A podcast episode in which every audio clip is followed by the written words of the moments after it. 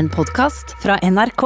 Marco El Safadi har vært basketstjerne, vunnet Mesternes mester og har mottatt både Åpenhetsprisen og Ildsjelsprisen for sitt arbeid for sårbar ungdom. Han har vært ungdomsarbeider, programleder på TV og blitt en av landets mest etterspurte foredragsholdere. Men den store drømmen, den er fortsatt å bli kåret til verdens snilleste mann. Dette er Drivkraft med Vegard Larsen i NRK P2. Marco El Safadi, velkommen til Drivkraft. Takk skal du ha, Vegard. Det var en fin intro. Ja, Er det ikke det? Jeg Stemmer det ikke? Jeg, altså, Den drømmen hadde jeg som femåring. Ja, Da drømte jeg det altså sånn mens jeg sov. Ja. Og så våkna jeg jo av at jeg hadde en sånn godfølelse i meg, og den godfølelsen får jeg hver gang jeg er snill. da, ikke sant? Så den har på en måte vært litt sånn ledestjerne for oppførsel. Men hvordan var den drømmen? Husker du det? Eller? Jeg husker den som om det var i går. Ja. Ja. Det var jo, Jeg var i barnehage sant? og hadde kjæreste, og det hadde Jeg hadde jo ikke, hadde jo ikke Altså Det var jentelus, Ja. ikke sant? så jeg hadde, jeg hadde kjæreste i drømmen. Og det i seg sjøl var veldig rart. Og så gikk jeg og leide på henne på et tivoli. Ja. Eh, og så måtte moren hennes inn på et sånt spåtelt til en spådame. Så vi gikk alene hånd i hånd eh, og kjørte radiostyrte biler og spiste sukkerspinn. Og så begynner folk å hilse på meg. Og sier hei, Marco, med, med fornavn. da. Og jeg syntes det var så hyggelig at folk sa navnet mitt. Og så lurte jeg på hvordan kan de navnet mitt, spurte jeg. Og så sier kjæresten min ja, det er jo fordi at de fikk med seg nyheten om at du har blitt kåret til verdens snilleste mann. Og så hopper drømmen liksom litt tilbake i tid. Og der står jeg på en svær scene og får en svær gullmedalje rundt halsen da, for å ha blitt kåret til verdens snilleste mann. Så det er klart, når jeg da våkner og er liksom full av godfølelse, så trodde jeg som barn at det var sukkerspinnet og tivoliet. Ja. Men eh, for hver gang jeg da gjorde en godgjerning, eh, de neste dagene og ukene og månedene og årene, så fikk jeg tilbake den følelsen. Så det har vært en sånn utrolig sterk drøm for meg, da, som har gitt meg mye retning. da. Ja, så selv om du lo godt nå når jeg sa dette her i en intro, så Ja, Det er ikke sånn at jeg som 43-åring går og venter på å få en gullmedalje rundt halsen. Men, men, det er jo, men det er likevel at den er jo der som et sånt bakteppe og, og har vært med å drive meg. da. ja.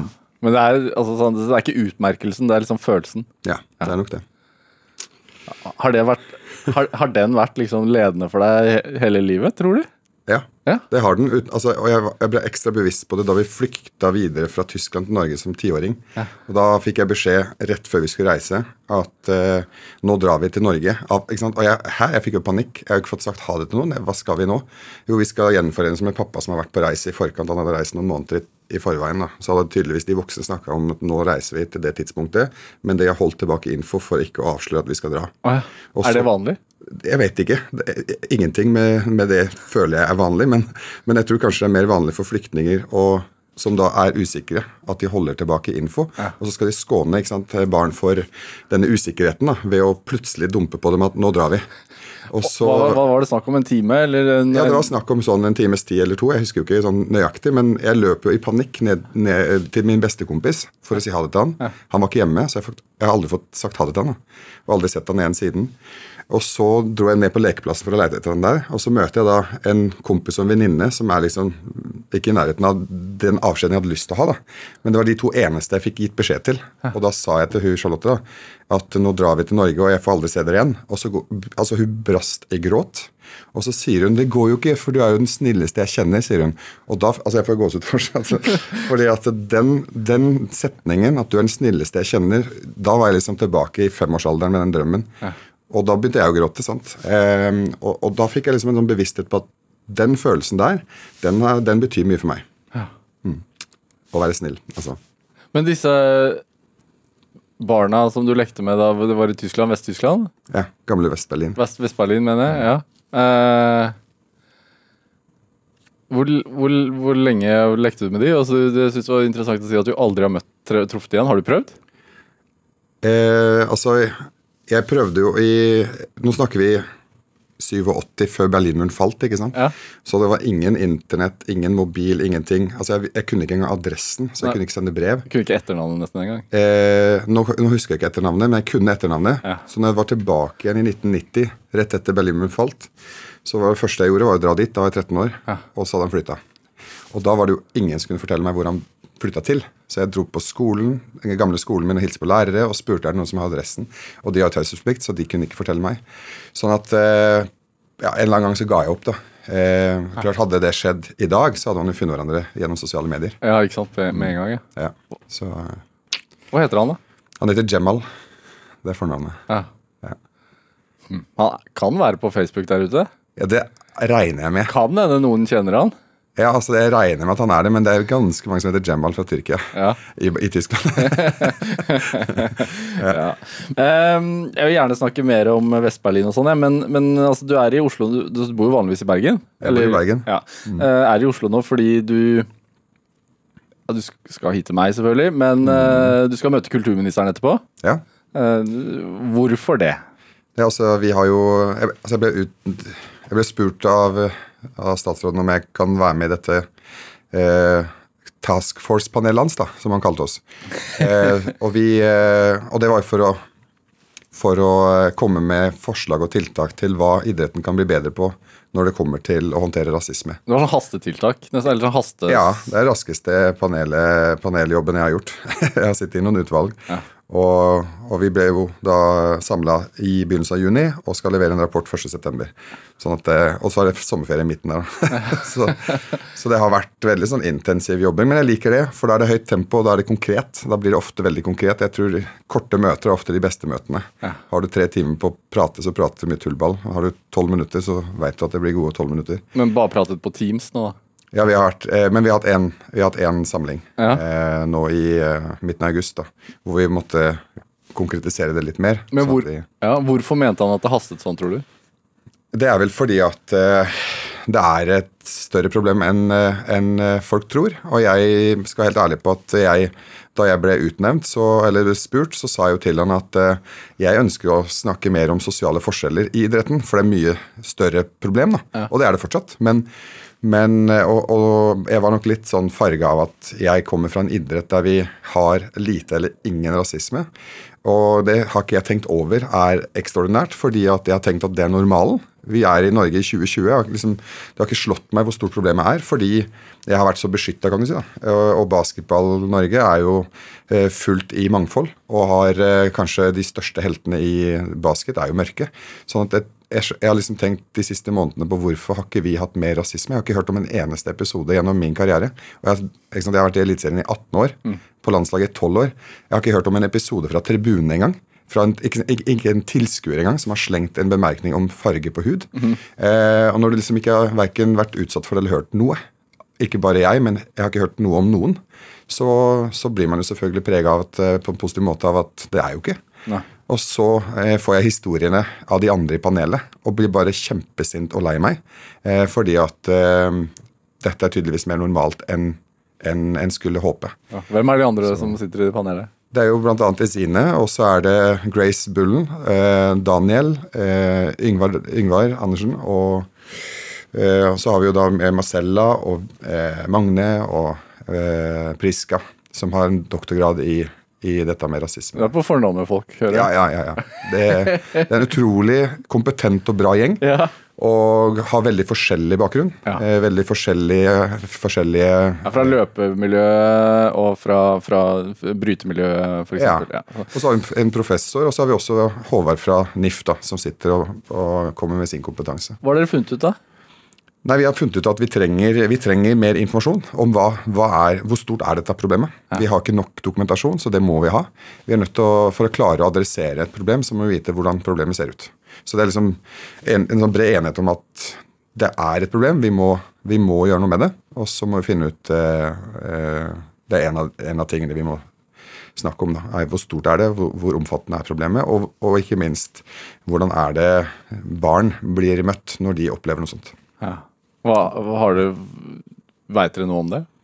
Eh, vi veit ikke nok, men vi veit eh, at vi ikke ønsker det. Vi veit at de voksne må ta ansvar. Eh, og det veit vi også at kanskje mange barn opplever å prøve å løfte det opp eh, uten at det blir tatt ordentlig tak i, for det er ubehagelig, og man veit ikke hva man skal gjøre. ja. det her, dere skal jo legge fram dette klokka ett. Altså jeg vet ikke om man skal liksom holde noe sånn hemmelig frem til det, men altså det noen har dere noen faktiske råd til til kulturministeren som, som, du kan si nå, eller er ja, Til han har vi mange råd, men jeg tenker til, til folket der ute, det viktigste rådet jeg har, er at hvis du, blir, hvis du er vitne til at noen blir utsatt for en eller annen form for diskriminering eller mobbing eller ekskludering eller bemerkninger som er utenfor det som er akseptabelt, så er vi nødt til å agere. Altså Alle er nødt til å agere og må kanskje være modig nok til å stille spørsmål. Hva mente du med det du sa der? Ja. Altså Still det spørsmålet, få folk ansvarliggjort, sånn at ikke de slipper unna da, med flåsete, dumme, negative kommentarer som kanskje eh, folk slipper unna med, og kan da fortsette å gjøre. Ja, og det er helt ned til andre barn, eller til ja, til og med andre barn. Ja. ja da. Og jeg har en elleveåring som går på skole og har gjort det siden hun begynte i første klasse. Og, og, jeg har mange samtaler med henne om sitt ansvar for fellesskapet i, i skolegården. fordi det er, der, altså det er flest barn i skolegården. Ja. Det er jo ikke de voksne som kan følge med på alle krenkelser som foregår blant barn. Det er det barna som veit best. Ja. Så klart vi må ansvarliggjøre. Dette er Drivkraft med Vegard Larsen i NRK P2. Og i dag er eh, en av landets mestvinnende basketspillere gjennom tidene, Marco El Safadi, her hos meg eh, i Drivkraft på NRK P2. Altså Du er sånn klemmefyr. ja, du er det? Ja, jeg er det. Jeg, jeg har en kollega her i NRK som, som kjenner deg litt. Uh, så fortalte vi at du skulle hit i dag, og så sa hun sånn ja, lurer på hvordan det er han, fordi hvis han går gjennom liksom, Bergen sentrum, så klemmer han et nytt menneske hver 20. meter. Det er en hyggelig beskrivelse. Ja, ja men jeg, altså, jeg, er veldig glad i mennesker, og så er jeg veldig glad i fysisk kontakt. da. Fordi vi da bekrefter hverandre. Og jeg, ja, så jeg har nok alltid Alltid vært opptatt av klemming? Ja, jeg tror det. Ja. Er det noe du har, altså er, er, du fra et klemmehjem, eller er det noe man Ja, der er det både klem og kyss. Altså I vår kultur så er kyss på kinna den mest vanlige måten å hilse på. Ja. Og, og det er til og med folk du aldri har møtt før, fordi en nær venn av min far som da møter barna til min far, som er en nær venn. Altså, De kysser jo på oss enda mer enn ikke sant? Så er har blitt kyssa og klemt av fremmede hele livet. så det, Enten man vil eller ei, si. Ja, ja, det blir litt sånn. Ja. Blir, men når du veit at det er en del av kulturen, så er det jo også innafor, på et vis. Ja. Hva, hva, hva, tror du det gir ekstra å, å få en klem? Altså, det er jo forska på. Ja. Altså At en klem både forebygger eh, psykisk Altså det, det, det, forebygger psykiske lidelser og skaper eh, Altså det, det utløser eh, en del eh, En del hva skal jeg si stoffer i kroppen da, som er med på å skape både glede og lykke og, og en sunnere helse. Så en klem gjør masse. Og så må det være noe sånn at for at en klem skal faktisk gi deg noe uh, kjemisk, mm. så må den vare over en viss lengde? Jeg tror du må Ja, den, ja det, det, er jo litt sånn avhengig av vane, men det, i det du har holdt Når klemmen varer lenger enn hva man antar, så vil den uh, skape en større troverdighet, da, ja. på et vis. Så de anbefaler jo å holde i tre sekunder. Ja, Minst, er det ikke noe sånt? Ja, ja. ja fra tre sekunder utover. Så jeg, jeg Ja jeg, men så har jeg også lært meg å respektere at folk ikke alle er like glad i det. da, sånn at Man må være litt obs på at man ikke invaderer folks private sfære. da. Samtidig så har vi merka at når vi har jobba med ungdommer, da, eh, og mange av de har uh, hatt litt, litt sånn anstrengt forhold til fysisk kontakt innledningsvis, uh, de har kanskje blitt de som klemmer lengst, fordi de setter så enorm pris på det. Og når de blir vant til det og syns det er utrolig godt. Og jeg har også blitt eh, utfordra av, eh, av barnevernspedagoger som har sagt Men hva gjør du med den jenta eller den gutten som har vært seksuelt misbrukt? Kan du drive og gå og klemme på de? Mm. Og da har jeg tenkt hva er alternativet? Skal vi la være å klemme på de og prøve å hjelpe dem å normalisere et forhold til en klem igjen? Fordi de har vært utsatt for noe stygt. Hvor rart ser det ikke ut? Hvis vi møter en gjeng med ungdommer, så klemmer vi alle, men ikke de, fordi de har vært seksuelt misbrukt. Altså, Det er jo helt mot sin hensikt. Det blir helt motsatt effekt. Og da var det sånn Ja, det er sant. Sånn at jeg tenker jo at det å ha et et normalt forhold til en klem, det tror jeg egentlig er sunt. Mm. Og alle bør ha det. Og de som ikke har det, har jo kanskje en historie med hvorfor. Mm. Og Det må vi respektere, men på et vis kanskje til og med av og til hjelper dem inn i en normal igjen. Da. Ja, for jeg nevner her at du, eller nevnte her at du er en, en eh, basketspiller med, med, stor suksess, men du har også vært, jobbet som ungdomsarbeider i mange mange år. Ja, det har jeg holdt. Hva, nå, har du gjort det ved siden av basketen, eller det, har det kommet etter, etterpå? Nei, det, altså for å si sånn, jeg, har, jeg har drevet med basket ved siden av. Ja. Fordi at eh, jeg begynte å jobbe med ungdommer eh, altså det, først, Mitt første oppdrag var jo å trene yngre lag, men da var jeg jo ikke mer enn 16-17 år. Eh, og så, som 18-åring, så fikk jeg så fikk jeg eh, noen jentelag som, eh, som var 14-15 år gamle. Som ikke er så mye yngre enn meg. Ehm, og det krevde en enorm selvdisiplin som 18-19 år gammel Mann eller ja, gutt? Ung gutt med, som kommer som også, Da har jeg kommet opp på toppnivå. Spilte i elitelaget og hadde en status i klubben. Så det å klare å være en sånn voksen, eh, tydelig leder, selv om du bare er noen få år eldre, var ekstremt mye vanskeligere enn jeg trodde. Den vanskeligste trenergruppa å trene, 14-15 år gamle jenter. Um, og faren til en av de jentene han observerte meg når jeg både trente og, og lagleda på kamper, og kom opp til meg en dag og sa jeg, jeg tror du hadde passa inn i skolen vår. Han var da inspektør på en skole. Mm. Og var liksom grunnen til at jeg begynte å jobbe med ungdommer, var liksom når han sa at vi, kan du ta noen vikartimer på min skole, vi har en barne- og ungdomsskole med veldig mange innvandrerungdommer som trenger rollemodeller som deg. Så det var liksom introen på min karriere, da, hvor jeg sa ja til å ta den jobben for å få endene til å møte, så hadde jeg ikke en tanke om at det skulle bli min karriere. Mm. For jeg hadde en eller annen idé om at jeg kanskje skulle bli basketproff. Jeg hadde en tanke om Politiskolen. Mm -hmm. Det var liksom ikke ungdomsarbeidet som var det som sto fremst. da. Men så var det det som skjedde da når jeg kom inn i skolen og fikk den kontakten spesielt med de mest utagerende og sinte gutta. Og etter hvert også de inneslutta, stille elevene. Ja. Og så merka jeg at det var der jeg hadde hjertet mitt. da. Mye mer enn å undervise som vikar.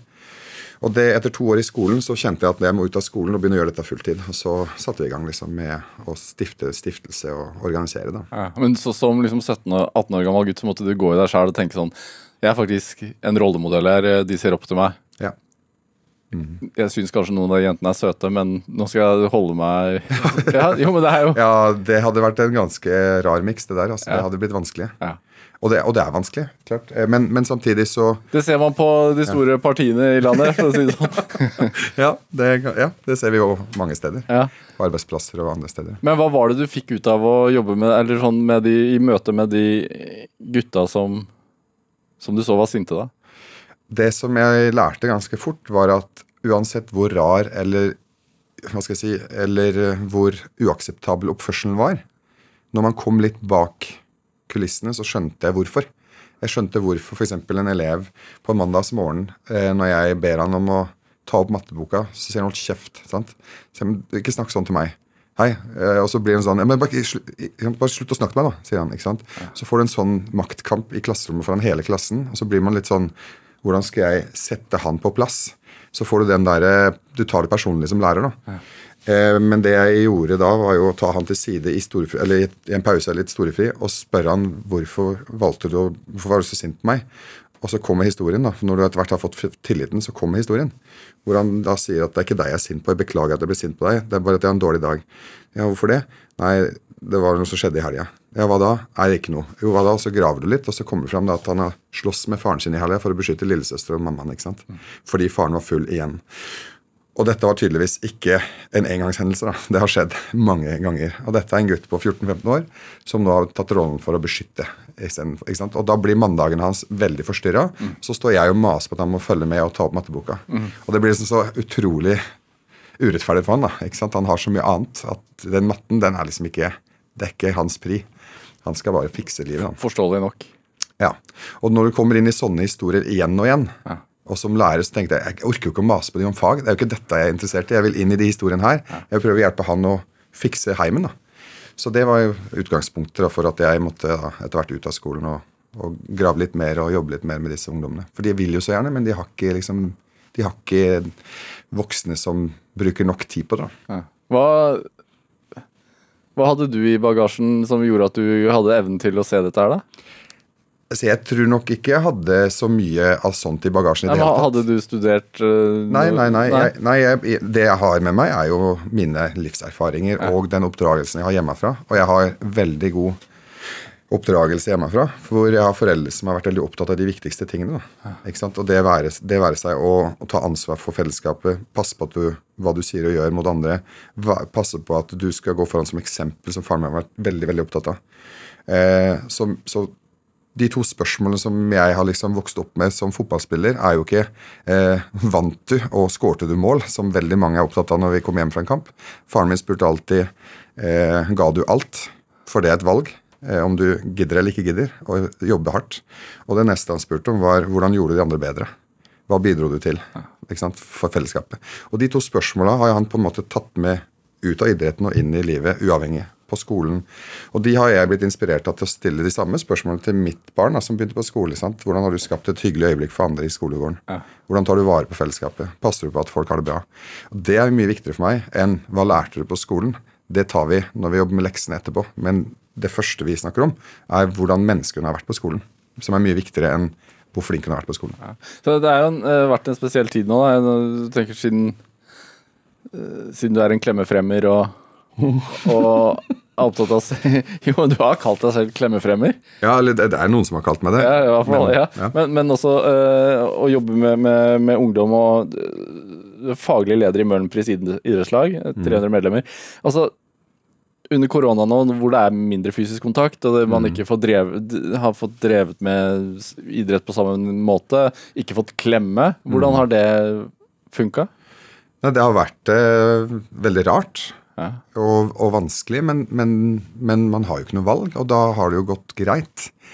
Eh, så, så jeg tror nok at de som har en tøff og vanskelig hverdag fra før, fikk det enda tøffere.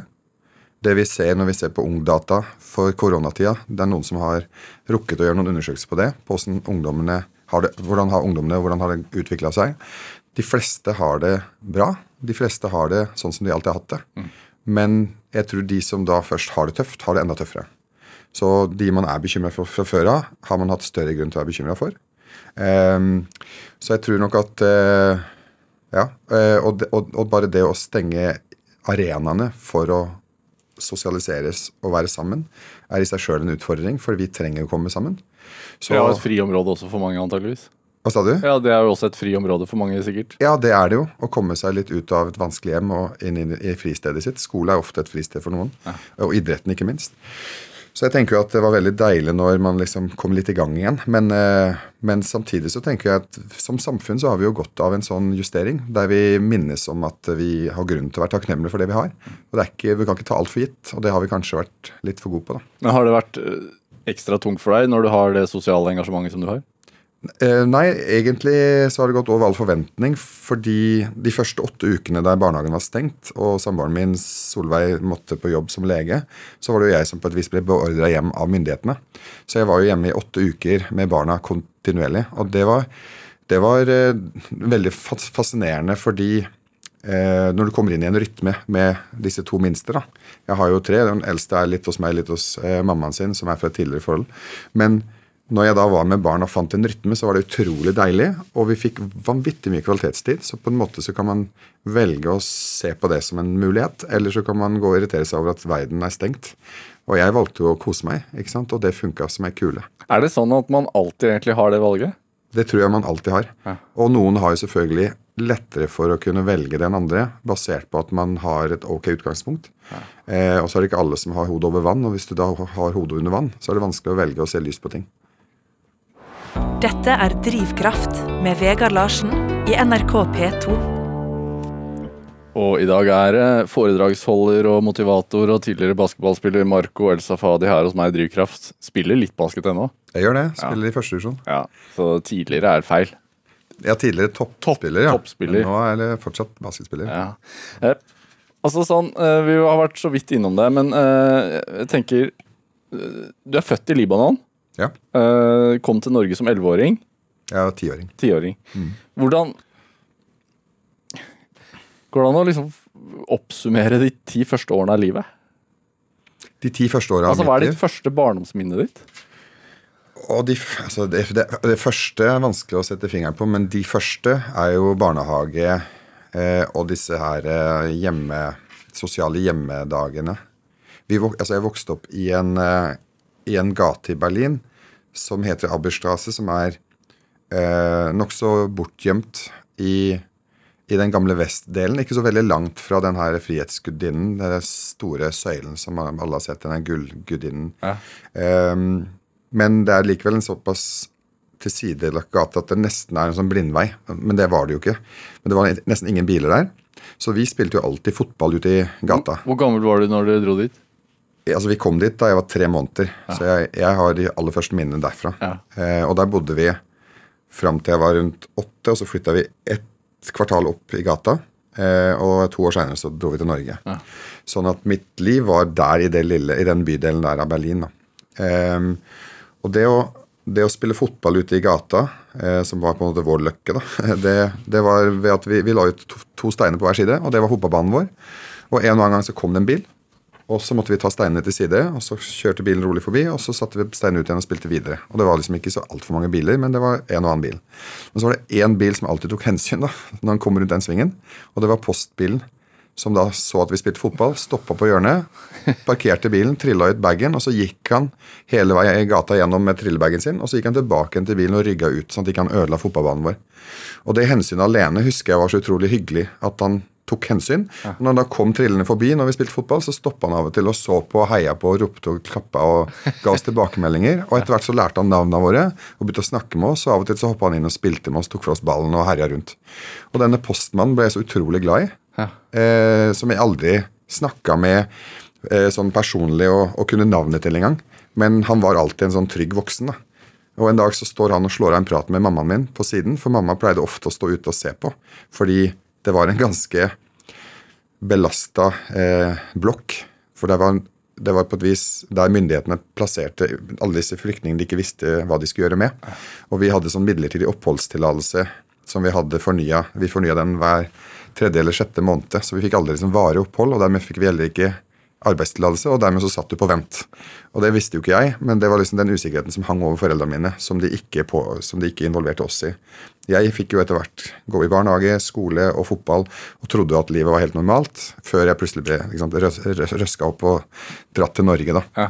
Men eh, fram til da så var, så var egentlig livet veldig bra. Eh, skånt for alt som foregikk i bakgården. Vi fikk bare en sånn enkel regel fra foreldrene våre. Dere får ikke lov å gå i bakgården. Hva skjedde i bakgården? Der var det tydeligvis mye narkotikatrafikk. da.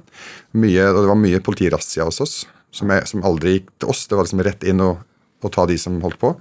Og masse politibiler i ny og ne. Og innimellom så kom det også så, så måtte brannvesenet komme, fordi det var noen som drev og tente på bygget vårt. da. Det var tydeligvis disse nynazistiske miljøene som begynte å etablere seg på 80-tallet i Berlin. Så to ganger i løpet av natta så måtte vi liksom eh, bæres ut av brannvesenet gjennom, gjennom vinduene.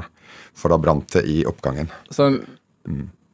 Ja, så relativt atypisk barndom, da. Det er jo ikke Ja. Ja. Ja, altså, ja, For meg som var beskytta, så var det å, det å på en måte oppleve denne type form for rasisme fra nazistene, den ble, den ble jeg også ganske skånt for. Fram til jeg ble Fram til jeg begynte på skole og begynte å få med nyhetene.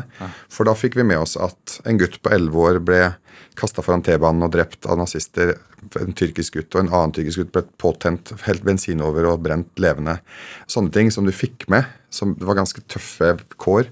Og da begynte også de frontene å bli hardere, for tyrkerne begynte å organisere seg. Og så begynte det å bli store, stygge oppgjør mellom nazister og tyrkere og punkere, som også var antirasister. Så det blei ble mye uro, og som førte til at eh, jeg gikk jo og var litt redd fordi barn har blitt drept. Så når jeg en dag gikk av T-banen eh, på vei hjem fra fotballtrening, og selvfølgelig eh, på 80-tallet så dro man på trening alene når du var åtte år i Berlin, tok T-banen til trening. Jeg syns det er helt sykt at foreldrene mine syns det var normalt. Men det var, det var normalt, og det var mange barn som drev og sykla rundt i Berlin. sant? Så jeg kom hjem fra trening en kveld, og så går jeg av T-banen, og så ser jeg en sånn skinhead, da, som de kalte seg, som var helt nybarbert på hodet, sånne militærboots og grønn eh, skinnjakke med tyske flagg på armen. Ser at han ser meg, jeg ser han, og så snur han og går mot meg, og da stikker jo jeg. Altså, jeg løper jo som en rakett opp disse her rulletrappene, og jeg aner ikke om han bare finta, eller om han kom løpende etter meg, men i mitt hode så løp han etter meg, ikke sant? og jeg løper jo for livet i, helt, helt til jeg kom nesten hjem og måtte smette inn i en, inn i en sånn eh, boligblokk som hadde en åpen dør, og gjemme meg en stund eh, i mørket der, i håp om at han ikke så at jeg løp inn der. Og så, når jeg da kom hjem, så måtte jeg ta ned pulsen igjen, for jeg skjønte at hvis jeg forteller det til foreldrene mine, så kan det hende at jeg ikke får lov å spille fotball mer. Ikke sant? Så det, som, som åtteåring så må du bare løse det problemet sjøl. Så den, den turte ikke jeg fortelle noen. Det var liksom min lille hemmelighet. da. Og sånne ting er jo ikke bra. Hvorfor er barn sånn, tenker du? Det er, barn er eksperter på å overleve. De finner overlevelsesstrategier i de verste, i de verste tilstandene de, de befinner seg i. Men tilbake til denne postmannen. Ja. Du var midt i en historie. ja, det var, det var Så denne postmannen som ble så utrolig eh, Som var så god mot oss, da, som ga oss oppmerksomhet og ros og anerkjennelse, han hadde en samtale med mutter'n som står ute og ser på. Og så sier han til henne et enkelt spørsmål. da, Hvorfor spiller ikke de guttene dine fotball organisert? De er jo kjempeflinke. Ja. Hvorpå hun svarer ja, hvordan skal det gå seg til? Ikke sant? Og da var det han som da hjelper henne med at han finner ut hvor er nærmeste fotballklubb, og hvem skal man ta kontakt med. Og når, hun, når han da gir henne det navnet og nummeret, så sier moren min i forlengelsen av det men, men jeg vet ikke hvordan de skal få de transportert dit. De er altfor små til å klare seg å dra dit sjøl, og jeg er altfor opptatt med Hun har jo da fire barn. ikke sant? Hvordan skal jeg klare å, å få dette til? Ehm, og da var faren min på en eller annen form for sånn opplæringsjobb som han fikk av, av, av myndighetene. Og da sa han at det kan jeg hjelpe deg med. Så denne fyren da, eh, begynner å kjøre og hente brødrene mine, som var gamle nok til å begynne å spille. Jeg var for ung, da. Jeg var bare fem. De gutta får da lov å spille fotball på et lag. Og jeg begynner å henge meg på for å se på treningen. Og etter hvert så får jeg være med og trene fram til jeg blir syv og får lov å begynne å spille sjøl. Så det der initiativet fører til at han gjør det lille ekstra for denne, denne familien. Da, og gir tre gutter som han kan navna på, en mulighet til å organisere livet med idrett. Og det er starten på min idrettskarriere, da, som gjør at jeg fem år seinere, når jeg kommer til Norge, eh, starter eh, integreringsprosessen med å spille fotball før myndighetene har gitt meg skoleplass, fordi lokalsamfunnet har skjønt at å ja, de spiller fotball, men da kan vi hjelpe dem med å spille fotball i Norge også. Så vi er i gang med å spille fotball før jeg får skoleplassen min. Og når jeg da får ny skoleplass, som er en litt sånn sårbar tid, nytt land, nytt språk, nye mennesker Og Kragerø i Ja, i, i Kragerø. Ja. Hvor jeg da eh, kommer inn på skolen første skoledag. Snakker bare tysk. Ti år gammel, snakker tysk og arabisk sant? og kan ingenting engelsk. Eh, ikke noe norsk. Og, og havner i en klasse eh, med helt nye mennesker. Og så ser jeg meg rundt, og så sitter det fem-seks kompiser fra fotballaget mitt i klassen. Og så kommer jeg liksom rett hjem, på en måte. Ja. Så fra min første time så har jeg følt meg ivaretatt i norsk skole. Og har aldri følt på den der uroen av å være alene og ikke ha venner i friminuttet. En eneste gang, altså. Og det i seg sjøl er jo helt fantastisk å tenke på at det er egentlig bare denne postmannen sin eh, sitt initiativ som er årsaken til. Så de, de tilfeldighetene som Hva tror du kunne altså, Hadde det ikke vært noe idrett uten postmann, tror du? Det veit jeg jo ikke. I hvert fall ikke i Tyskland. Nei. I Norge kanskje, for her er jo folk organisert og flinke til å sette i gang. Men, men i Berlin definitivt ikke. Vi hadde ikke det med idrett der uten han. Hvorfor dro dere fra, fra Libanon da du var tre måneder? Eh, Det er jo fordi at foreldrene mine fikk litt nok av den krigen som, som eh, herja rundt i Libanon. Og det var ikke bare den borgerkrigen i Libanon som var problemet. Det var også at faren min var aktiv i PLO som palestinsk frihetskjemper. Eh, sånn som altså gutta på skauen i Norge var under andre verdenskrig. Det var liksom de palestinske heltene som tok opp kampen mot den stormakten som okkuperte og, og, og holdt palestinerne nede. Men etter ti år med kamp, da, hvor faren min har vært vitne til å miste broren sin i kamp eh, Han har eh, sjøl vært utsatt for eh, x antall forsøk på, eh, på å bli drept. Så ble han til slutt skutt i ansiktet og overlevde. Eh, den dagen han ble skutt og overlevde Hvordan, hvor ble, I Libanon? Ja, i Libanon. Det var under en øvelse, da.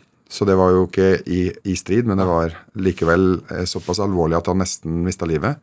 Samme dagen så var det et annet angrep som, som skjedde på, eh, på noen PLO-agenter i, i Libanon, der faren til moren min da eh, ble drept. Så min mor får jo først melding om at du må skynde deg til sykehuset fordi faren din har blitt skutt. Og mens hun liksom løper til taxien, så får hun beskjed av en nabo nei, faren din har allerede, har allerede omkommet, men mannen din han, han skal opereres og dra til det andre sykehuset istedenfor. Og Der er hun da med tre små barn og meg i magen, høygravid, eh, og skal da fordøye at faren hennes døde, og mannen hennes ligger nesten for døden samme dag. Eh, og det fører jo til at når hun eh, kommer på sykehuset og, og får beskjed om at faren min, altså mannen hennes, er stabilisert, så får hun ikke lov å forlate sykehuset og dra i begravelsen til sin egen far, for det gjør man jo samme dag. Fordi vaktene til faren min nekter henne å reise noe sted. Familien blir holdt på sykehuset, og hun går glipp av begravelsen til sin far, som hun fortsatt snakker om er det mest såre hun har opplevd. Da, for hun var så glad i faren sin. Og da fikk hun nok. Da ville hun bare ut. Eh, så når han, faren min ble skrevet ut, og jeg hadde blitt nyfødt, noen måneder gammel, så, så tok de tingene og reiste. dro dere? Ja. ja. Har dere snakket masse om det opp igjennom? Nei, jeg har ikke snakka så mye om det i det hele tatt. Eh, men Med, med, med foreldrene dine? i senere tid så har vi gjort det. Og når, når denne boka ble skrevet av, eh, av Erik Fossen, som, som ville fortelle historien min, så måtte han jo også begynne å snakke med de rundt. Og da, da, han, eh, da tok han turen hjem til mine foreldre. Og det var første gangen faren min utleverte hele historien sin. Og den har ikke han hatt lyst til å snakke med oss om. Så det er nok lettere til en tredjepart enn sine egne barn. Han har skånt oss på en måte for det han har opplevd. Men det var veldig sterkt for meg å lese hele det kapitlet uredigert som Erik skrev, som var mye, altså dobbelt så langt som det som kom i boka. Eh, men det måtte liksom kortes ned litt. For det ble veldig, veldig voldsomt og veldig sterkt. Så jeg husker jeg satt liksom på Gran Canaria med min seks år gamle datter da, eh, på sånn femstjerners luksushotell, og leste manuset til boka. Og, og, og bare tenkte wow, for en hinsides reise faren min har hatt. Og hvor utrolig heldig jeg er som har hatt den barndommen jeg har hatt. Og som igjen har ført til at de valga han og mamma tok, da, har ført til at min datter på seks år kan ligge der plass, på bassenget og plaske rundt og være helt beskytta og helt sånn fri for bekymringer. Og så, så fjernt fra alt det som skjer i Midtøsten fremdeles. da. Ja, og at du i dag skal møte kulturministeren for å, Ja, ja for å det, si at det kan du si. Det er noen, eh, ja, så det er noen valg som foreldra våre tok, som er ganske modige, Ja. og som har gitt oss livet i gave. da. Dette er Drivkraft med Vegard Larsen i NRK P2. Og i dag er eh, tidligere toppbasketballspiller, eh, nå foredragsholder, motivator Marco El Safadi her hos meg i Drivkraft. Altså Hva tenker du er det største basketballøyeblikket ditt? Du har spilt, altså, du har spilt eh, basket på høyt nivå i Kristiansand, Harstad, Oslo, Bergen. Norske landslaget mange år. Eh, du har skåra avgjørende poeng i NM-finaler. Vunnet kongepokaler. Ja. Du har egentlig vært dritgod. ja, ja. Jeg har vunnet det som kan vinnes i Norge. i hvert Ja. Hva, er, hva, er det, hva er det største du opplever på basketballen? Altså, det største øyeblikket på basketballbanen er ganske annerledes enn basket, hvis jeg kan si det. Fordi at eh, jeg var jo jeg var jo 32 da jeg ble slått ut med en nervesykdom som gjorde at jeg ble sengeliggende i ganske lang tid. Jeg prøvde prøvd Guillain-Barre? Nei, hvordan sier man det? Guillain-Barré syndrom. Er det en, det er en nervesykdom? Ja, det er en sånn autoimmun sykdom som slår ut i en frisk kropp fordi autoimmunforsvaret feilkobler. da. Kan alle få det? Alle kan få det. Eh, og det skjer vilkårlig, og det er liksom 50 mennesker sånn i snitt hvert, hvert år. da. Så det er sånn ekstremt liten sjanse. ja. Hvordan merker man at man får det?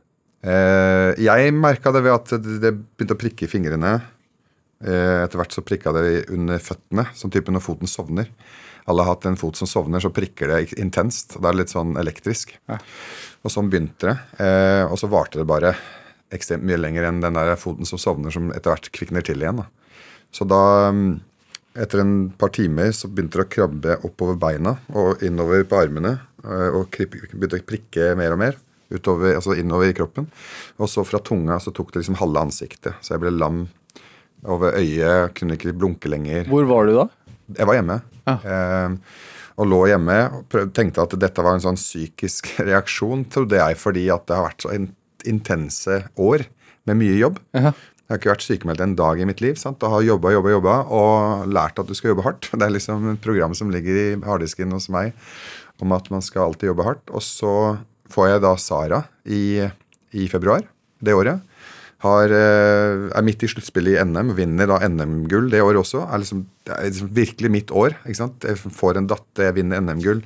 Eh, går inn i sommerferien med en sånn enorm deilig optimisme. Ja, litt lite søvn det siste, liksom. Ja, det er helt fint. Og så skjer dette, og da tenkte jeg i mitt hode at det er sånn typisk feriesykdom. da. Ja, Ikke sant? influensa. Ja, nå, nå, nå skyller et eller annet psykisk innover meg. Ja. Jeg må bare hvile, så jeg velger å avblåse den der jobben jeg hadde lagt ned i Jeg skulle bygge opp en mur i hagen, en sånn støttemur. Så tenkte jeg den venter jeg med til i morgen. I dag er jeg litt for sliten. Jeg har liksom lagt grunnlaget, og så får jeg vente. Og så la jeg meg i sofaen og ble bare mer og mer sliten. Og det er jo ikke riktig, for jeg veit åssen kroppen min funker. Sant? Jeg har kjent på det i alle år. Så et eller annet er gærent, så jeg ringer brutter'n som er lege, og så ber han meg ta kontakt med legevakta med en gang. Så sier jeg til han slutt å være så dramatisk. Det er sikkert ikke noe alvorlig. Vi venter til i morgen, så ser vi. Og da, ikke sant, neste dag så, så ligger jeg rett ut og klarer ikke å sette meg opp lenger. Og da er jeg sånn bare helt lam. Og det er en sånn syk opplevelse å, være 100% våken. 100% emosjonelt til stede og likevel 100 ufør. da. Altså hvor Du ikke, du kan ikke flytte deg en millimeter. Dønn avhengig av å bli løfta. Løftet. Og det var så flaut, husker jeg, når ambulansen måtte komme og hente meg og bære meg ut. Jeg veier jo litt. Ja. Så tenkte jeg stakkars ambulansefolk. Og nei, nå tar jeg opp så mye ressurser i staten. Nei, nei, nei, sånn, de følelsene ikke sant? og de tankene. Du ligger der er helt lam og hjelpetrengende. Så jeg hadde liksom ikke gått opp for meg hvor alvorlig det var. Og Så ble jeg da kjørt ned på legevakta, og derfra rett opp på akutten på sykehuset. Og igjen, mens jeg ligger her, så tenker jeg gud, så dramatisk Det kommer til å gå fint. Det, det er ikke noe, ikke sant? Altså, du bare In denial. da, Du nekter å forstå omfanget av hva dette er. Så når legen etter to dager kommer og sier at du må belage deg på å være her en stund, så husker jeg sa men i neste uke får jeg besøk av onkelen min fra Tyskland. Jeg er nødt til å dra hjem før det. og da lo han bare og sa at det besøket skal jeg bare av, avblåse. Så jeg, jeg ble jo liggende i over en måned uten å flytte meg en millimeter. Da måtte jeg flyttes av personalet på sykehuset for ikke å få liggesår. Og så etter hvert ble jeg sterk nok til å kunne sitte i rullestolen. Hva er, hva er liksom prognosene for, for et sånn Når man blir ramma av dette her? Prognosene er jo gode, men noen blir jo varig skada. Noen får jo varige men. Ja. Én brøk blir sittende i rullestol. altså Jeg vet ikke hvor stor den er, men det er sånn type 15 10-15 kanskje. Ja. Eh, noen dør fordi at eh, de, eh, de altså det, det er en såpass omveltning i kroppen at hvis du er sårbar fra før, så, så blir det for, en for stor påkjenning for kroppen. Men Du fikk beskjed om at du ble sittende i rullestol? Ja, jeg, eller, jeg fikk beskjed om at jeg måtte belage meg på at hvis jeg i det i det skulle klare å komme meg opp av rullestolen, så måtte jeg ha hjelpemidler til å kunne gå resten av livet. Så det å spille basket og det å hoppe og sprette var helt, det var helt over. Så det måtte, det, den beskjeden fikk jeg til, til fire måneder. For da har de liksom gjort en del tester, og de har de, de gjorde en sånn elektrisk test for å sjekke hvor, hvor er det kontakt med nervetrådene. Ja. Og så var det liksom ingen kontakt fra anklene og ned.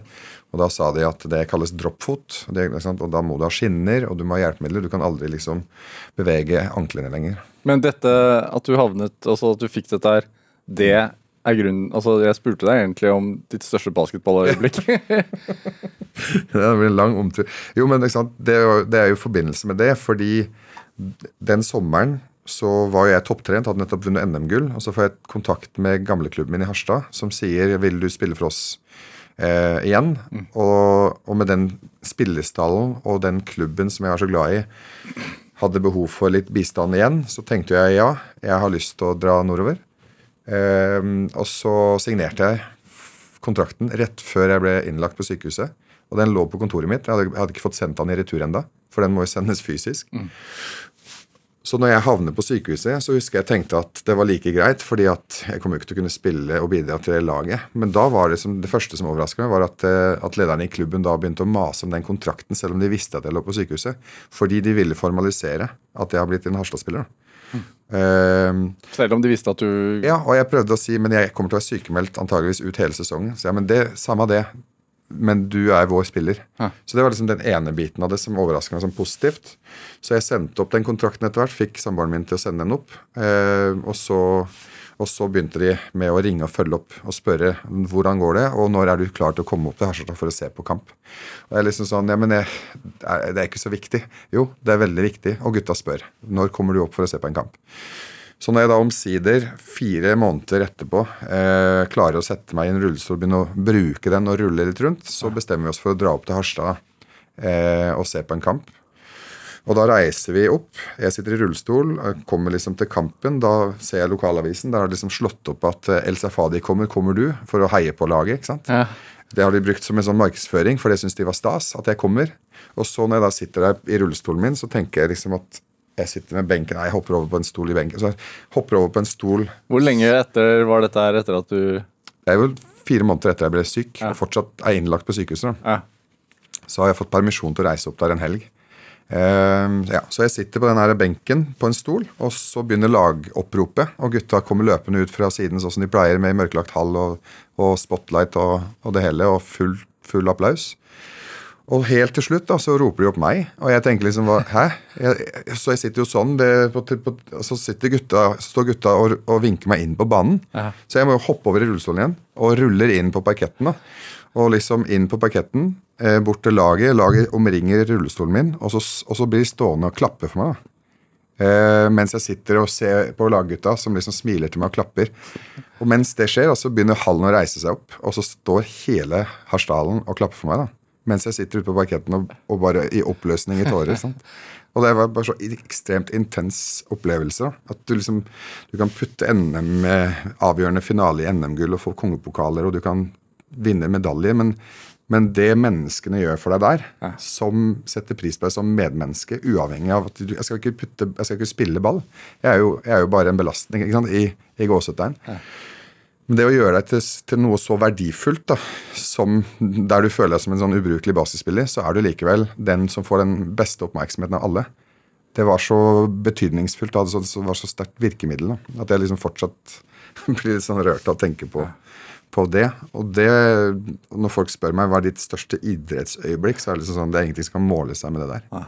Det, du får aldri noe sånt igjen. Det er liksom det største du kan få.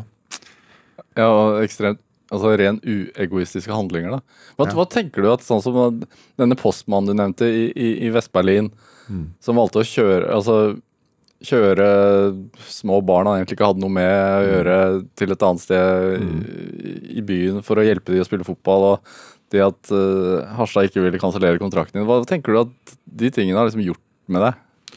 Det bare forsterker det som jeg føler er det viktigste budskapet med idretten. Og det er jo nemlig at vi skal Altså Hvis ikke idretten bygger samfunn og gjør deg til bedre menneske, hva er vitsen da? Altså Da er jo idretten forgjeves. Det har jeg sagt så mange ganger. Vi er nødt til å bruke idretten og alt vi driver med, til å hele tiden utvikle oss til å bli bedre. Da. Og det fikk jeg på en måte sett der virkningen av. Selv til en mann på 32 år og som har det i utgangspunktet et ganske godt Foruten at man er syk, da, så hadde jeg jo et godt liv. ikke sant, og har, har liksom eh, det jeg trenger. Men, men, hva det betyr, at mennesker ser deg og viser deg at du betyr noe. Du er viktig. Og det, og det han postmannen gjorde, da, som er så uegoistisk sant? Det, så Han er for meg den første ildsjelen i mitt liv. Som som på et vis baner vei for hva, hva en ildsjel kan gjøre, og hva den kan bety. Og jeg har jo aldri skjønt eh, betydningen av han som barn, men det har jeg skjønt som voksen. Så det er liksom så trist å tenke tilbake på at had, altså, hvordan, hvordan, skal man sette pris på noe sånt?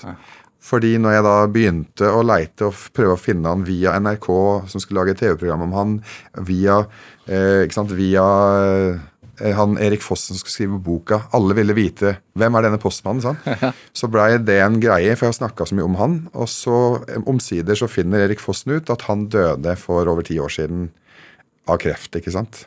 Og fikk aldri vite at to av de tre guttene han, han eh, hjalp til fotballen, ja. endte opp på det norske basketlandslaget. ikke sant? Og, og, at den tredje av de hadde stor glede av idrett, han også. Selv om han ikke satsa for fullt. Så jeg tenker han gjorde jo ikke det av andre grunner enn at han trodde på at det ville gi oss et bedre liv. Ja. Men han skjønte jo ikke omfanget av hvor mye bedre liv. Ja. Og du, og, du løp maraton eh, et år etter at du ble sjuk. Ja. og du var med i 'Mesternes mester'. Hvordan, eh, jobb, altså, hvordan ble du frisk? Nei, Det var ikke noe medisin annet enn at eh, man må trene. Du må trene, og kroppen må på et vis Stahet. gjøre jobben. Ja, det hjelper. Eh, det, det, hjelper. Jeg tror at eh, noen kaller det Hvor sta er du? jeg, jeg er ganske sta når jeg Altså, Jeg pleier å si at sta har liksom en positiv og negativ side. Og den negative staheten er når du er standhaftig i feil debatt. Mens viljestyrke da, er den positive staheten når du, skal, når, du, når du ikke gir deg samme F. Fordi det er viktig å, å gjøre det skikkelig. da. Og når det kommer til en sånn sykdom, så er det ikke noe alternativ. Du kan ikke, Det er ikke der du legger deg ned og gir opp. Men man har lyst til det kanskje, noen ganger? Nei, vet du hva. Viljestyrke er liksom Det er faktisk når du gjør det du ikke har lyst til, tror jeg. For det du har lyst til, det trenger du ikke viljestyrke til. Det går av seg selv. Så det å ha viljestyrke er jo nettopp å gjøre det du ikke har lyst til. Så du har trening, rett og slett? Ja, og, og, og de treningene som, de treningene som eh, Altså det er ingen som Eller kanskje ingen, det er ikke feil å si ingen, men jeg liker ikke å, å, å drive med slyngetrening og statisk stabilitetstrening. ikke sant? Og, og, å ligge eventuelt og, rulle fra side til side, for det er det eneste du klarer. Det er ikke gøy, men det er ekstremt viktig. Så styrketrening har jeg aldri vært glad i. Men det har vært viktig for å forebygge skader og bygge muskulatur. Altså det, det er noen ting du bare må gjøre. og Sånn er det i alle jobber, sånn er det på skolen og sånn er det i livet generelt. Noen ting må du gjøre. Det er ikke gøy, men det er viktig. Og da er det viktig med viljestyrke. da. Hvordan er nervene i dag i kroppen? De er forholdsvis bra. Jeg har fortsatt prikking under føttene. Det kommer aldri til å gå bort. Så jeg har litt sånn redusert balanse. Og det fant jeg ut under 'Mesternes mester'. Hvor viktig det er med balanse. Fordi det er ikke, altså I hverdagen har jeg ikke behov for den balansen man har behov for i konkurranse. Der du må stå på én fot og prøve å slå balansekunstneren Roger Ruud, som, som slår rekord etter rekord i balanse. Altså, ja. Dette er Drivkraft med Vegard Larsen i NRK P2. Og i dag er eh, tidligere toppbasketballspiller Marco El Safadi her hos meg i Drivkraft. Altså, eh, du har jo eh, startet noe som heter New Page. Det starta du i to, 2002. Eh, som jobbet for vanskeligstilt ungdom. Eh, og så har du vært med å starte opp noe som heter Guttas Campus. Hva er det? Guttas Campus er eh, et, eh, et samarbeid mellom Oslo kommune og, og noen eh, rike venner som liksom har gått sammen eh, for altså Eivind Astrup som, hoved, eh, som hovedperson, da, som har bestemt seg for å gjøre noe for gutta i skolen. Fordi gutter taper dette akademiske skoleløpet, som er blitt mer og mer teoretisk. Så for å hjelpe De, tilbake til de gutta du snakket om helt i starten av den timen her. Som, Ja. ja. Ja, det, ja, ikke sant. Eh, mye frustrasjon kan jo også komme derfra. At man ikke mestrer. Ja. Selv, det er ikke bare at man har det vanskelig hjemme. Sånn at um, Så Guttas campus er på en måte um, en, en intensiv læringsleir der vi i 14 dager hver sommer drar av gårde med 50, 50 gutter fra Oslo-skolen. Som, og nå har det også blitt en avdeling i Bergen, så nå er det 30 gutter i Bergen også. Men vi har holdt på i tre år i Oslo, og 50 gutter fra Oslo-skolen som skal i sommerferien mellom 9. og 10. klasse investere to uker av ferien sin på seg selv, hvor de skal liksom bo med oss og jobbe med lesing, skriving og regning. Og så skal vi parallelt jobbe med sosial vekst i form av bygge verdier eh, som takknemlighet, viljestyrke, sant, engasjement, optimisme og den slags, for å gi de eh, sunnere eh, vaner, da. Og sunnere selvsnakksvaner. For det ungdommen driver med opp i eget hode, er så utrolig viktig å være obs på. Og hvis du på et vis har hatt mange nok nederlag i f.eks. matematikk, da, så er det ikke matematikken i seg sjøl som er problemet lenger. Det er retorikken med at 'jeg får ikke til uansett', som har satt seg så dypt i, hjernebarken at ungdommene gir opp før de prøver neste oppgave. Så når vi f.eks. gir dem en sånn det, det var så tydelig å se da, Når vi gir dem en, en matteoppgave med tekst, så er det noen som bare melder seg ut før de har lest teksten. Og så sier jeg, men les hva som står der, da. Du har nettopp gjort brøk. Du kan brøk. Gjør den der øvelsen. Les hva han Og så når vi leser det sammen, og jeg forklarer det i øvelsen, og, og forklarer hva regnestykket Så skjønner de med en gang. Så, men du valgte jo du valgte jo å gi opp før du har lest teksten. Hvorfor gjør du det? Og det er jo gammelt program som ligger i hjernen vår. Med at, og den teksten er altfor vanskelig. Jeg kommer aldri til å klare.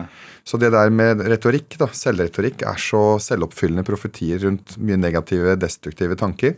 De må vi på et vis avvæpne i løpet av de 14 dagene, sånn at vi får bygd opp noen nye samtaler de har med seg selv når de møter oppgaver i 10. klasse. Ser du en endring, da? I løpet av de to Enorm ukene? endring. Ja, ja. Vi ser det i løpet av dager.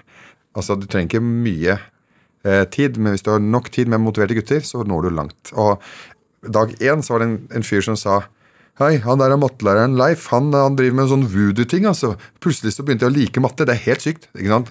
Jeg tenker det er jo den åpenbaringen der vi trenger. Og fra, og med da så er jo han mer åpen for matte resten av de 14 dagene. Og da skyter jo han fart. Så ofte så er blokkeringene i hjernen mye større og vanskeligere enn faget. Og så må vi bare unblock, vi må fjerne disse sperrene, sånn at ungdommene kan gi seg selv en ny mulighet. Men hva, har, du en, liksom, har, har du en metode? Altså Hva er Marcos metode? jeg det er ikke noen Marcos-metode, men det, jeg følger på en måte noen sånne enkle filosofier jeg har lært meg etter hvert som jeg jobber med ungdommer. Den ene heter jo at uh, ungdom, eller mennesker generelt, men ungdom spesielt, da, lytter bedre til mennesker de liker. Så regel nummer én, du er nødt til å like dem. Du er nødt til å vise dem at jeg vil deg vel. Og når du skjønner at jeg vil deg vel, så har du en annen evne til å lytte til det jeg sier. Og, og så er dette med regelen med konfrontasjon, for mange av de guttene trenger å bli liksom stilt krav til. Da. Men kravene er jo nødt til å stå i stil med hva relasjonen tillater. Så jeg laga denne enkle filosofien min som heter at eh, du kan du, altså, kravene du stiller må, er, altså, Du kan ikke stille høyere krav enn hva relasjonen tillater. da. Så bygg den alliansen. Sørg for at du har en, et fundament i bunn mellom deg og, og ungdommen. Da kan, du, da kan, du, stille dem til veggs så mye du vil. Hvordan bygger du alliansene? Det er jo ved å, ved å tilbringe tid sammen, være interessert, lytte, stille spørsmål, dele fra eget liv og vise at 'jeg er her med deg fordi jeg vil'. Og jeg kan si det rett ut òg. Jeg starter ofte når vi har 50 gutter på en campus.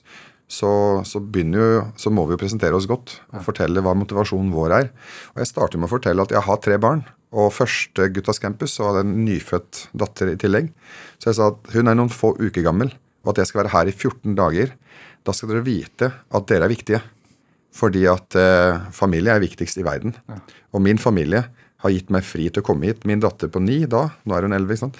og min sønn på tre og min samboer de vil at jeg skal være her for å hjelpe dere.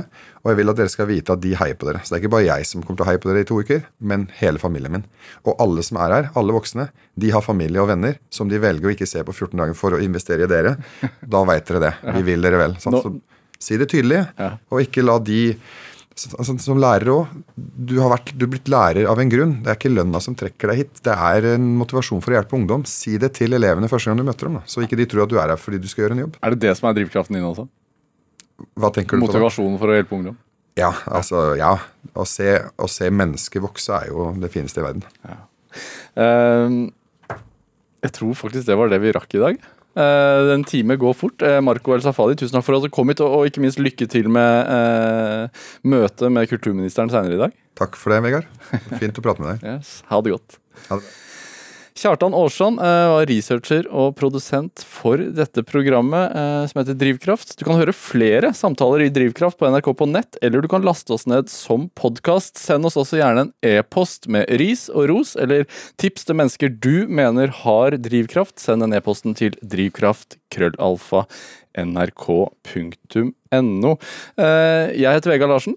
Vi høres. Du har hørt en podkast fra NRK. Hør flere podkaster og din NRK-kanal i appen NRK Radio.